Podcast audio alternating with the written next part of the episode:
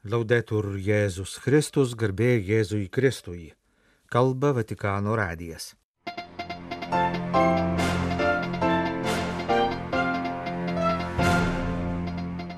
Popiežius susitiko su migrantu, kurio žmona ir dukra mirė dykumoje. Argentinietis kardinolas Leonardo Sandri užbaigė ilgą tarnystę Šventojo sosto institucijose. Krikščionių ir budistų dialogo grupės susitikimas Tailande - rytų katalikų bažnyčių ekumeninis vaidmuo. Mūsų laidos pabaigoje pokalbis su Šiaulių vyskupu Eugenijumi Bartuliu ir su juo į Romą atvykusiais piligrimais. 2023 m. vasarą pasaulyje apskrėjo nuotrauka žyminti dar vieną migrantų dramą. Prie Libijos ir Tuniso pasienio padarytoje nuotraukoje dikumoje sukniubusios motinos ir prie jos prisišlėjusios mergaitės kūnai. Ta akimirka tai buvo dvi anonimiškos figūros, o šiandien žinome jų vardus ir jų istorijas. Jas mums papasakojo mergaitės tėvas, kurį lapkričio 17 dienos popietę privačiai priėmė popiežius Pranciškus. Bengu Niembilo Krepinas kiek virš 30 metų amžiaus kamerūnietis pabėgo iš savo krašto tuo metu, kai ten prasidėjo vidiniai susirėmimai, nusinešę jo vyresnės sesers gyvybę. Vienoje iš pabėgėlių stovyklų Libijoje 2016-aisiais jis sutiko bendramžę Matylą iš Dramblio kaulo kranto Respublikos. Po metų jiems gimė mergaitė, kuriai suteikė Mary vardą.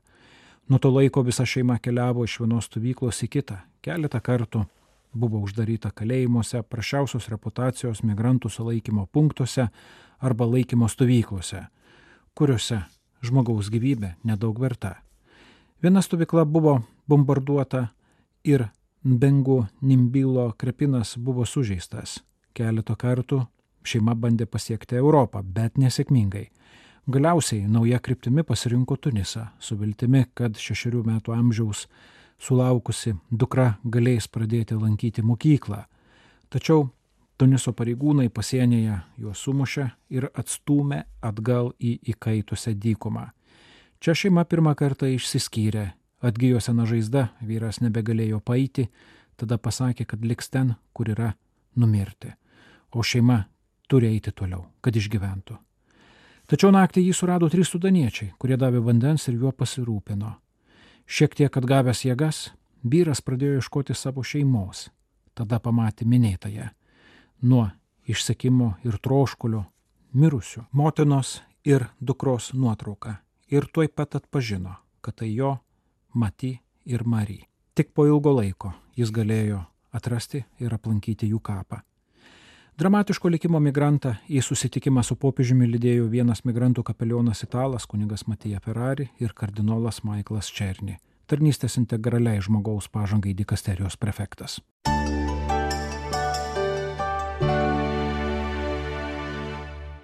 Trijų popiežių bendradarbis kardinolas Leonardo Sandri šeštadienį, lapkričio 18 dieną, užbaigė aktyvę tarnystę Romos kūrijoje Šeštadienį jam sukako 80 metų. Ilgametis Romos kurijos narys iš Buenos Airių kilęs Leonardo Sandri tarnystę Vatikane pradėjo 1991 metais. Nuo tada jis buvo vienas iš artimiausių trijų popiežių - Šventojo Jono Pauliaus II, Benedikto XVI ir dabartinio popiežiaus Pranciškaus bendradarbis. Popiežiaus Pranciškaus kraštietis 1991 metais atvyko į Vatikaną ir nuo tada yra buvęs pagrindinių apaštolų sosto institucijų vadovas, popiežiaus namų regentas, valstybės sekretoriato asesorius ir sekretoriaus pavaduotojas bendriesiems reikalams, rytų bažnyčių kongregacijos prefektas. O nuo 2020 metų eina kardinolų kolegijos vicedekano pareigas, beje nesusijusias su ingravescentem etatem normomis, pagal kurias visi kardinolai sulaukę 80 metų automatiškai nustoja būti Romos kūrijos nariais ir netenka teisės dalyvauti konklavoje, popidžiaus rinkimuose. Be atsakingų pareigų Vatikane Leonardo Sandri yra buvęs apaštališkasis nuncijus Venezueloje ir Meksikoje. Arkivyskupas Leonardo Sandry 2005 metais balandžio antrosios vakare Šventojo Petro aikštėje gausiai susirinkusiems tikintiesiems pranešė liūdną žinę apie popiežiaus Jono Pauliaus antrojo mirtį. 2007 metais Benedikto XVI paskirtas kardinolu dalyvavo Buenos Airių arkivyskupa Jorge Mario Bergoglio išrinkusioje konklavoje. Kardinolas Leonardo Sandry, rytų bažnyčių kongregacijos dabar dikasterijos prefektas emeritas, šiai kongregacijai vadovavo 15 metų iki 2022 pabaigos. Leonardo Sandry pasmerkė tais pačiais metais vasario mėnesį Rusijos pradėtą karinį įsiveržimą į Ukrainą kaip nepateisinamą ir užtarė nuo invazijos katastrofos kenčiančius gyventojus, ypač Ukrainos katalikus.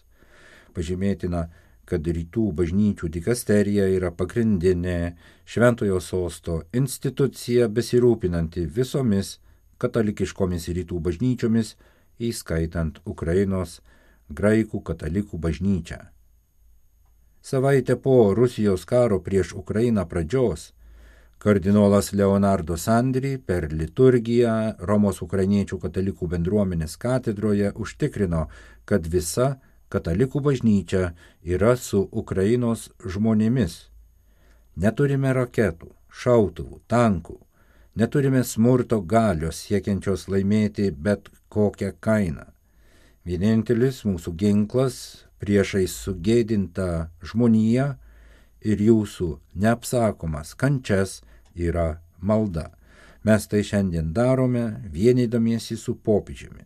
Visa širdimi meldžiame Dievo motinos užtarimo, kad atneštų taiką, sustabdytų piknaudžiavimą, ukrainiečių tautos patiriamą neapsakomą kentėjimą pasakė 2022 m. kovo 3 d. kardinolas Leonardo Sandry, rytų bažnyčių dikasterijos prefektas emeritas.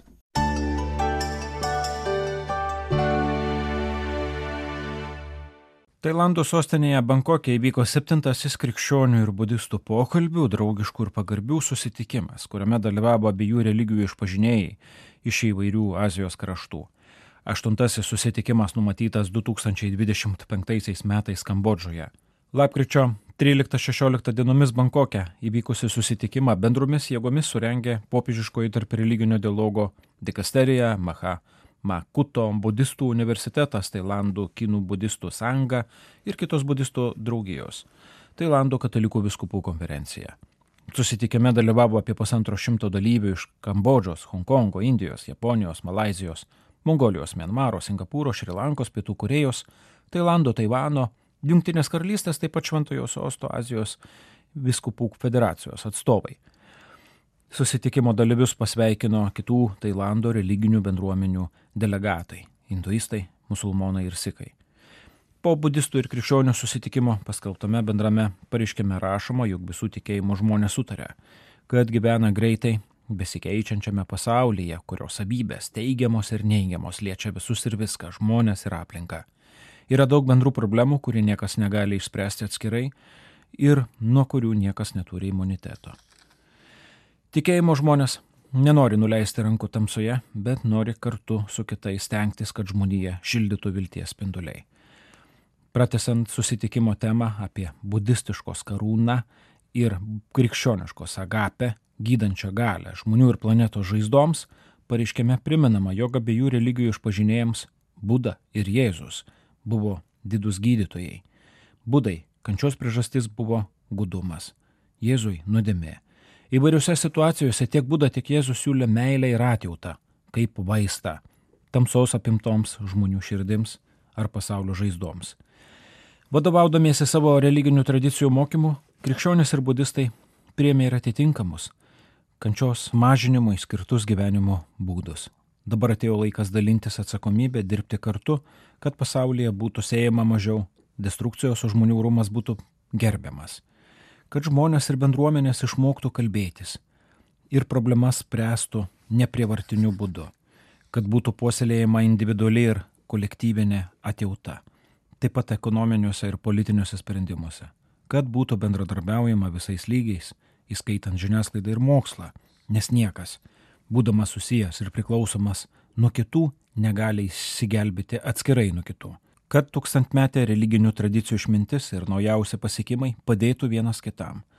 Kad keistusi mūsų švietimas ir ugdymas, žadintų asmenys ir visuomenę, skatintų padėti kitiems ir planetai.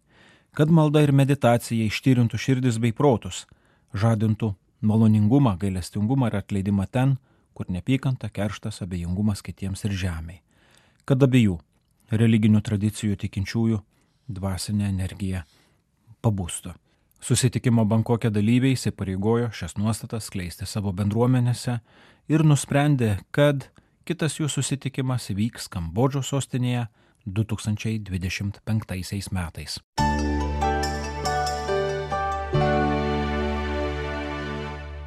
Popiežiškajame rytų institute Romoje surinkta konferencija skirta rytų katalikų bažnyčių požiūriui į ekumenizmą, ypač santykiuose su ortodoksų bažnyčiomis. Pranešėjai atvyko arba susisiekė nuotoliniu būdu iš Junktinių Amerikos valstijų, Kanados, Prancūzijos, Rumunijos, Italijos ir Ukrainos. Pastarosios situacijai ir ekumenizmui karo metu buvo skirtas išskirtinis dėmesys, o Lvivo Katalikų universiteto ekumeninių studijų institutas buvo vienas iš pagrindinių konferencijos organizatorių kartu su pačiu popiežiškojų rytų institutu. Įvadinėme sveikinimo žodėje kardinolas Kurtas Kochas, popiežiškosios krikščionių vienybės dikasterijos prefektas, pasveikino konferencijos dalyvius. Ekumenizmas, pasak jo, taip pat jaučia skaudžias karo pasiekmes. Kita vertus, ortodoksų bažnyčios yra artimiausios katalikams tokiais pamatiniais klausimais, kaip kad Euharistija ar apaštalinė įpėdinystė. Abi pusės jaučia skubo poreikį peržengti titolimą ir susvetimėjimą tarp rytų ir vakarų, kad vėl galėtų kartu švesti Euharistiją. Ekumeninėme susitaikymo procese rytų katalikų bažnyčių, esančių vienybėje su Romos vyskupu ir gyvenančių greta ortodoksų bažnyčių vaidmuo pabrėžtas jau Vatikano antrajame susirinkime. Šį vaidmenį vėliau ypač skatino ir stiprino Šventasis Jonas Paulius II parašęs apaštalinį paraginimą Orientalę Liumen, patvirtinęs specialų kanonų teisės kodeksą rytų bažnyčioms, kalbėjęs apie tai kitose dokumentuose. Šį vaidmenį pastebėjo kardinolas Kochas rimtai ir atsakingai vykdo Ukrainos, graikų, katalikų bažnyčia. 2024 m. sausio 5-6 dienomis sukaks 60 metų nuo istorinio Konstantinopolio ekumeninio patriarcho Atenagoro ir popiežiaus Pauliaus VI susitikimo bei apsikabinimo Jeruzalėje, sudariusių prielaidas 1965 m. gruodžio 7 d. abiejom bažnyčioms atšaukti 1054 m. anatemas viena kitos atžvilgių, kad prasidėtų jų suartėjimas priminė krikščionių vienybės dikasterijos prefektas. Kardinolas Kokas citavo patriarcho Atenagoro žodžius. Atėjo krikščioniškos drąsos valanda. Mes mylime vieni kitus, išpažįstame tą patį tikėjimą. Tada eikime kartu link šventojo altoriaus šlovės, kad įvykdytume viešpaties valią, kad bažnyčia spindėtų, o pasaulis įtikėtų ir Dievo ramybė pasiektų visus. Kardinolas palinkėjo, kad ortodoksų ir katalikų ideologija, ši pranišiška vizija visada būtų išsaugojama, kad konferencija prisidėtų prie jos pažangos, o jų dalyvius lydėtų šventojo vyskupo ir kankinio Juzapato bei bažnyčios mokytojo Alberto didžiojo užtarimas.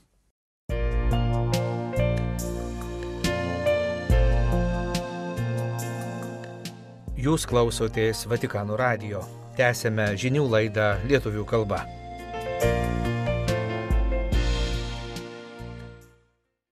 Šiaulių vyskupas Eugenijus Bartulis ir daugiau kaip 50 piligrimų Šiaulių katedros choro džiaugsmas narių lankosi Romoje, savo piligrimystę minėdami Šiaulių vyskupijos įkūrimo 25-asias metinės.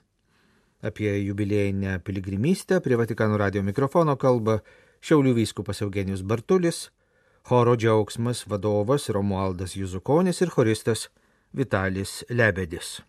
Nepaprastai džiaugiuosi, kad mes galėjome su Šiaulių katedros chorų džiaugsmas atvykti į Vatikaną ir šlovinti viešpati čia, bažnyčio širdyje, švenčiant mūsų viskupijos 25-metį ir kartu padėkoti viešpačiui už savo 25 metų viskupystės kelionę ir paprašyti tolesnės globos Marijos, kad ji vestų mus šventumo ir džiaugsmo keliu. Jau mes aukojame penktadienį šventąją mišių auką Čenstachavoje, po to Švento Morkaus bazilikos Rūsyje, šiandieną prie Petro kapo, o rytoj Marija Madžiorė. Šlovinsim dangiškąją motiną Mariją, gėdodami jai giesmės. Esu choro vadovas Šiaulių katedros vargonininkas Romaldas Juzukonis. Choras e, šiuo metu dabar lankosi Romoje, švesdamas savo ketvirtąjį gimtadienį, tai yra labai jaunas Šiaulių katedros choras, kuris vienyje 65 narius šiuo metu, o 50 narių išvyko į piligriminę kelionę, aplankėme ir Čenstachavą, ir Veneciją, ir dabar esame Romoje, o grįždami dar užsuksime ir į Asyžių. Tai štai tokia istorija, kada prieš e, ketvirtą metų švenčiant Velykas e, kartu su ekscelencija e, vyskupu Eugeniju Bartuliu išgirdau jo kvietimą burti chorą katedroje, kadangi sumos choro nebuvo. Ir štai ir giesmės skambesys, ir vyskupo raginimas padėjo per trumpą laiką suburti įvairių profesijų žmonės, suburti įvairiausių, nuo muzikos mokytojo iki visai pradedančio gėdotojo, virš 60 žmonių chorą ir žmonių kol kas tik daugėja ir ši kelionė, ką mes šiandien turime, tai tik tai stiprina chorą ir daro dar didesnę gražią bendruomenę. Kalbėjome su vyskupu, kalbėjome su choro vadovu, dabar kalbame su choristu. Esu Vitalis Lebedis. Džiugina labai tai, kad e, šis kolektyvas tas na, krikščioniškos vertybės ir, ir, ir meilė giesmiai vienyje labai įvairių profesijų žmonės. Aš iš tikrųjų daug metų dirbau žurnalistu ir pastaruoju metu dabar dirbu Šiaulių miesto savivaldybės administracijoje, kūruoju viešųjų ryšių e, dalykus.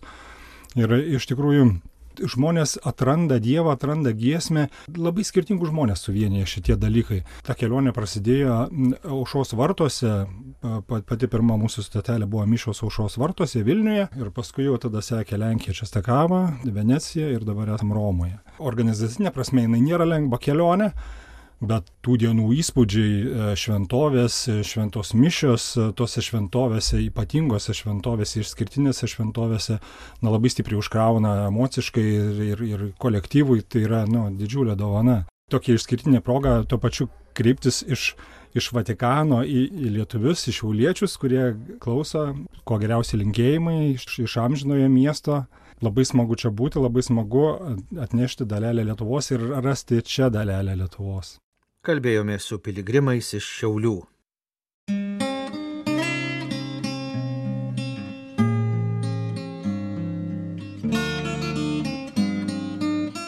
Kalba Vatikano radijas. Laidą lietuvių kalba baigėme. Garbėjai Jėzui Kristui, laudetur Jėzus Kristus.